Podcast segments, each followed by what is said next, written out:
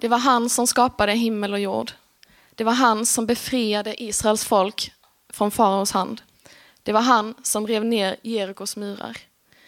Det var han som kom hit ner till jorden för att dö och ta våra synder på sig. Idag går han med mig och han går med dig. Och det är den samma guden som en dag ska komma tillbaka. Tillbaka för att ta med sig dem som tillhör honom. I Jesaja 51, 11-16 står det. Så skall Herrens förlöste vända tillbaka och komma till Sion med frydesång. Evig glädje är det över deras huvud. Fryd och glädje skall de nå, sorg och sucke skall flykta. Jag, jag är den som tröstar er. Vem är du att du fruktar för ett människa som skall dö, för ett människebarn som ska bli läckras? Och att du glömmer Herren, din skapare, som utspänte himmelen och grundfästet jorden. Att du alltid, hela dagen ängstar dig för undertryckarens vrede, när han lägger pilen till rätte för att ödelägga. För var är undertryckarens vrede? Snart skall den som ligger i länkar bli löst.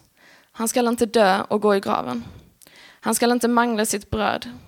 Jag är Herren din Gud som rör upp havet så dess bölgor brusar.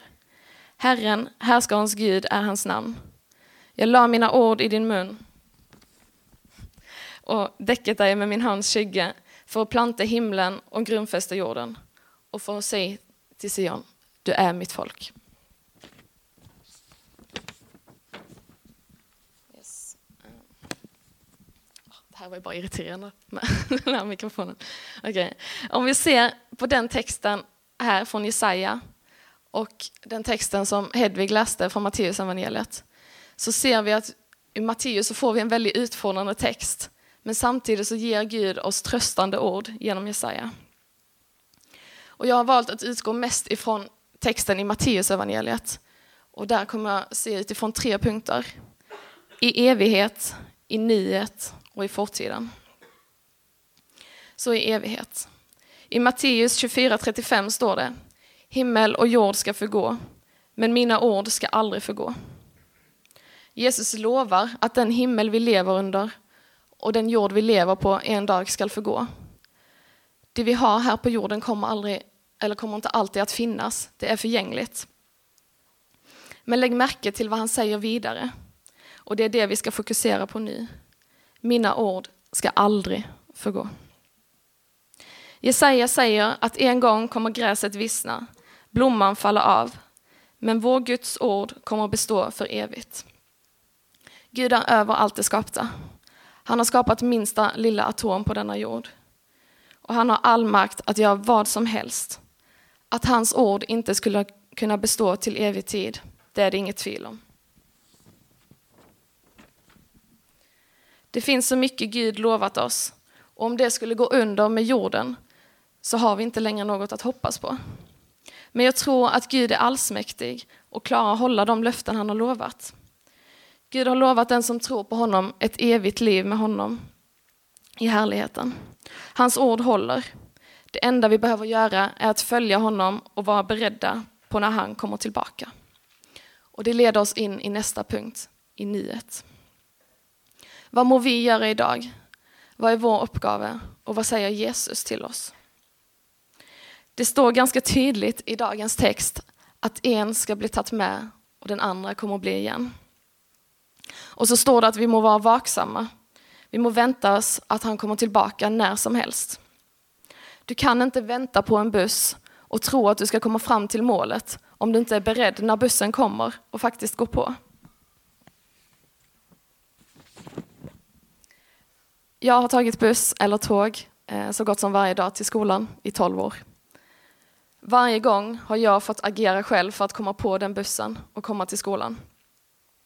Hade jag bara legat i sängen och sovit eller bara stått upp till frukostbordet utan att gå ut och sätta mig på den bussen eller det tåget så hade jag aldrig kommit till skolan. Detta är en ganska dålig sammanlikning med det som väntar oss i evigheten, men allikeväl. I första Petrus brev 1-13 så står det Spänn därför bältet om livet, var vakna och hoppas helt och fullt på den nåd ni ska få när Jesus Kristus uppenbarar sig.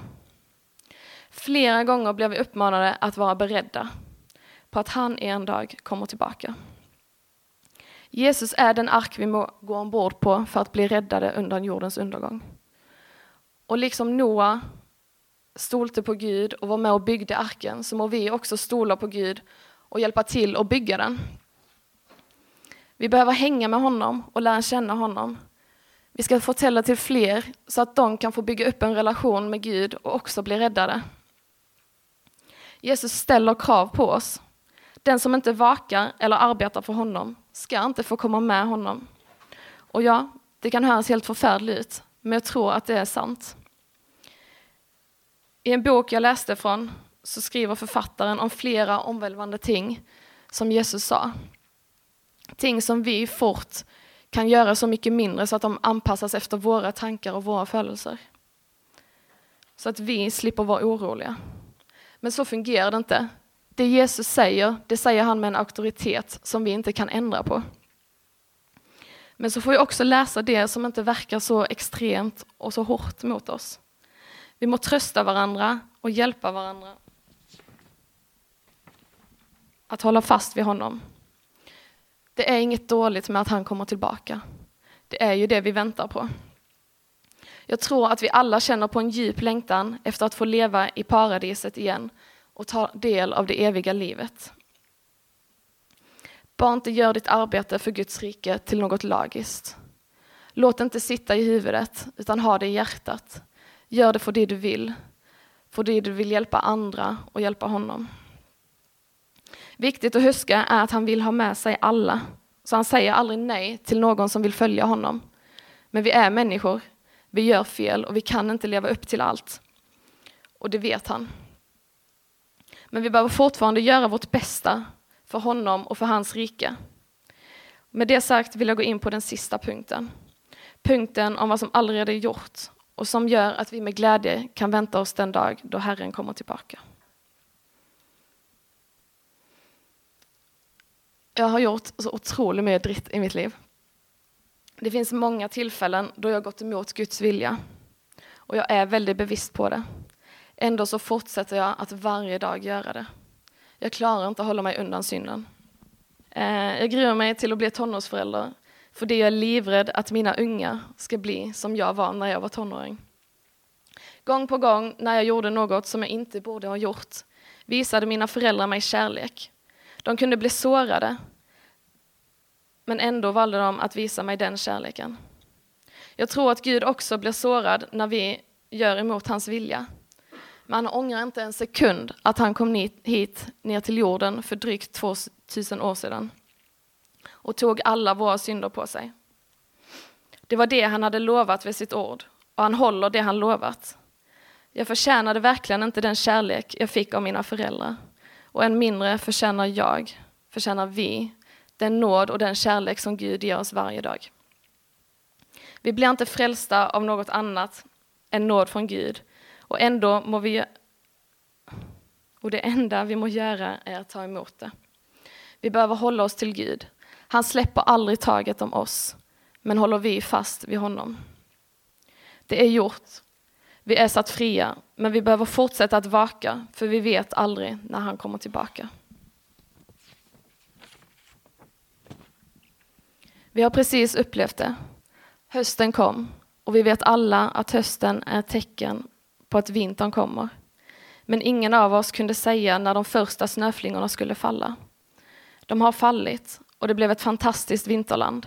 Likadant är det med Guds återkomst. Vi kan se tecken på det, men vi kan aldrig veta när han kommer tillbaka.